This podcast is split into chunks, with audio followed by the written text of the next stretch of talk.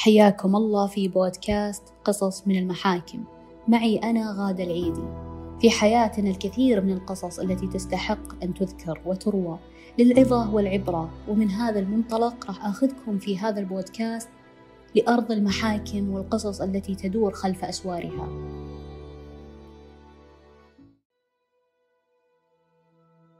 نعرف أن الإنسان يتشكل من عادات وأطباع إيجابية وسلبية.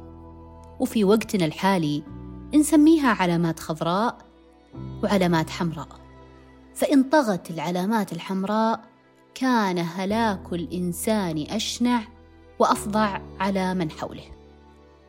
قبل لا أبدأ بقصة قضية اليوم خلوني أرجع أنوه أن جميع الأسماء المذكورة في هذه القضية لا تمت للواقع بصلة. في عام 2019 تحديدا في نهايتها وقت بداية جائحة كورونا. كان الهلع منتشر في العالم وباء مجهول لا دواء له قادم يهدد العالم بخطر. الأخبار مليئة بعدد الحالات المعدية وتحذيرات للوقاية وقوانين جديدة تفرض. العالم يعيد ترتيبه. كانت عائلة سارة وأحمد يتأهبون للاستقرار والانعزال مثل بقية العالم. سارة وأحمد عندهم ولدين وبنت. أكبر أولادهم عمره تسع سنوات. طبعا سارة كانت عاملة والأب كذلك. وفي عز المعمعة اللي صايرة كانوا يجهزون لكل سبل الوقاية والحجر. وبعد مرور شهرين على الجائحة زادت علاقة أحمد بسارة. وتعرفوا على بعض أكثر واستوعبوا أن الشغل كان ماخذ وقتهم أكثر حتى عن عيالهم. أحمد لاحظ أن شخصية سارة عصبية واندفاعية وما تحملت جلسة البيت والحجر. وسارة أيضا لاحظت أنه أحمد شخصيته باردة وكسول وبيتوتي. أيضا علاقتهم بأبنائهم زادت قوتها بشكل خاص مع أحمد وعياله.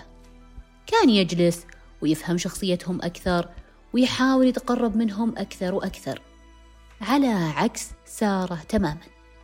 كانت تحاول تجتهد بالعمل عن بعد وتشغل وقتها بالطبخ وتحاول تملي فراغ عملها اللي فقدته. في يوم من الأيام صحى أحمد على بكاء بنته الصغيرة وتفاجأ أن سارة كانت تضربها بقوة وتهزئها علشانها كسرت صحن. طبعا أحمد انهبل دخل عليها وسحب من يدين هالبنت.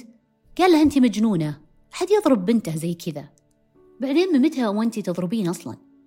سارة تجاهلت تماما ردة فعله وقالت اكتشفت أني أنا ما ربيتهم. أحمد طبعا ما حب يكبر الموضوع مع العلم أن سالفة الضرب مرفوضة عنده تماما. وكانت تاكل وتشرب معاه كل ما صحى ونام تذكر سالفة بنته. وصار يخاف على بنته وعياله ويراعيها أكثر ويحاول يقضي معاهم وقت أكثر بدون أمهم. بعد فترة زاد موضوع الجائحة ومدة ساعات الحجر زادت وصارت تكثر المشاكل بين سارة وعيالها. يعني كان الموضوع أشبه بالتفريغ على عيالها. مرة تضرب مرة تنفعل بالصياح ومرة تفتعل مشاكل مع أحمد. لحد ما صار أحمد يكره الجلسة معاها ويخاف على عياله منها. حاول يتصبر إلى أن يفك الحظر وترجع حياتهم زي قبل وأحسن. لكن بالواقع مرت الجائحة وانفك الحظر والشيء الوحيد اللي تغير هو سوء حالة سارة وشخصيتها وانفعالها. حتى تفاقم الأمر ووصل للنزاع بينها وبين أحمد وكثرت بينهم الشتايم قدام عيالهم.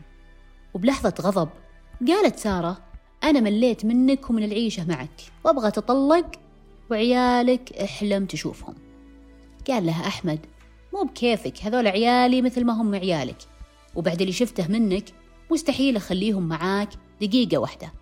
وعلى الطلاق أنت طالق طلقها أحمد. وسارة انصدمت من سرعة تجاوبه مع الطلب لأن في واقعها وداخلها كانت تريد خلق مشكلة لا انفصال.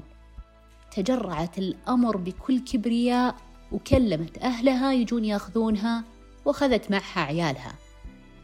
أحمد كان ينتظر الأمر يهدأ عشان يرجع وياخذ العيال. وبعد أسبوع من الطلاق اتصل على أخو سارة وقال أبغى أشوف عيالي. قال له إن شاء الله خير بس ترى أمهم رافضة الحين ورجع يوم بعد يوم يطلب نفس الشيء ويواجه منع ورفض. ودخل وساطة من أهله وأهلها وكان رفض سارة سيد الموقف. سارة أخذت الأمر تحدي رغم رغبة الأبناء في البقاء مع والدهم وتعلقهم فيه. ورغم انشغالها بعد الحظر إلا أنها قررت الانتقام. أحمد بطبيعته رجل عاقل ومتزن في تصرفاته. كان يجهل حقوقه ويظن إنها لكونها أم يحق لها ما لا يحق لغيرها. لكن ما خاب من استشاره فورا أحمد كلم زميله المحامي وقال أنا مشتاق لعيالي. وهم نفس الشيء. وأمهم مانعتني من شوفتهم أو مكالمتهم حتى. وانفجع صاحبه. قال يا رجل هذه أبسط حقوقك ولا تنتظر منها إذن. الزيارة والرؤية حقك وتقدر تطالب فيه وتلزمها فيه بعد. قال أحمد بس أنا ما أبغى عيالي يتضررون من المحاكم. قال المحامي بعدهم عنك يا أحمد أكبر ضرر نفسي لهم. طبعا أحمد اقتنع بكلام صديقه وقرر أنه يرفع دعوى زيارة للمطالبة بحقه. وفي الجلسة الأولى ما حضرت المدعى عليها سارة رغم أن التبليغ القضائي وصلها. فقررت المحكمة إحضار سارة جبرا.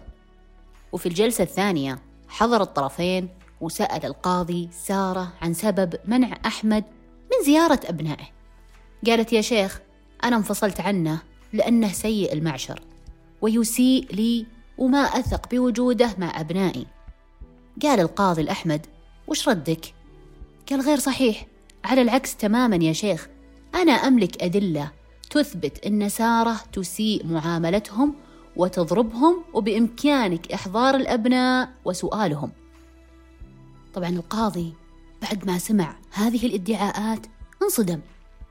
قال اسمع إن كان عندك شيء يثبت الاعتداء على الأطفال وضربهم قدمه للمحكمة في قضية منفصلة. كون ذلك يعد انتهاك لحماية الطفل وبموجبه تستطيع المطالبة بالحضانة. قال أحمد أنا برفع عليها دعوة منفصلة في المحكمة الجزائية لحماية أبنائي أيضا.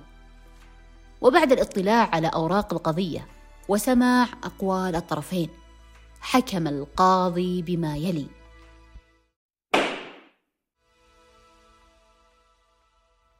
إلزام سارة بتنفيذ حق الزيارة لأحمد وبشكل مستعجل. وتمت المصادقة على الحكم.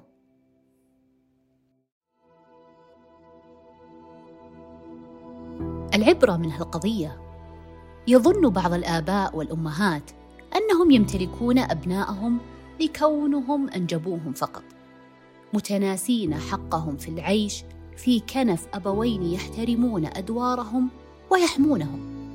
ولأن أمثال سارة في الحياة كثير. إن وجدت هذه القوانين اللي تحمي حق الطفل والأبناء بشكل عام ولتؤكد حقيقة أن الإبن كيان منفصل عن أبويه. له حقوق وعليه التزامات. لا يحق للآباء انتهاك تلك الحقيقة. وفي الختام الحمد لله على قوة القانون وعدالة القضاء.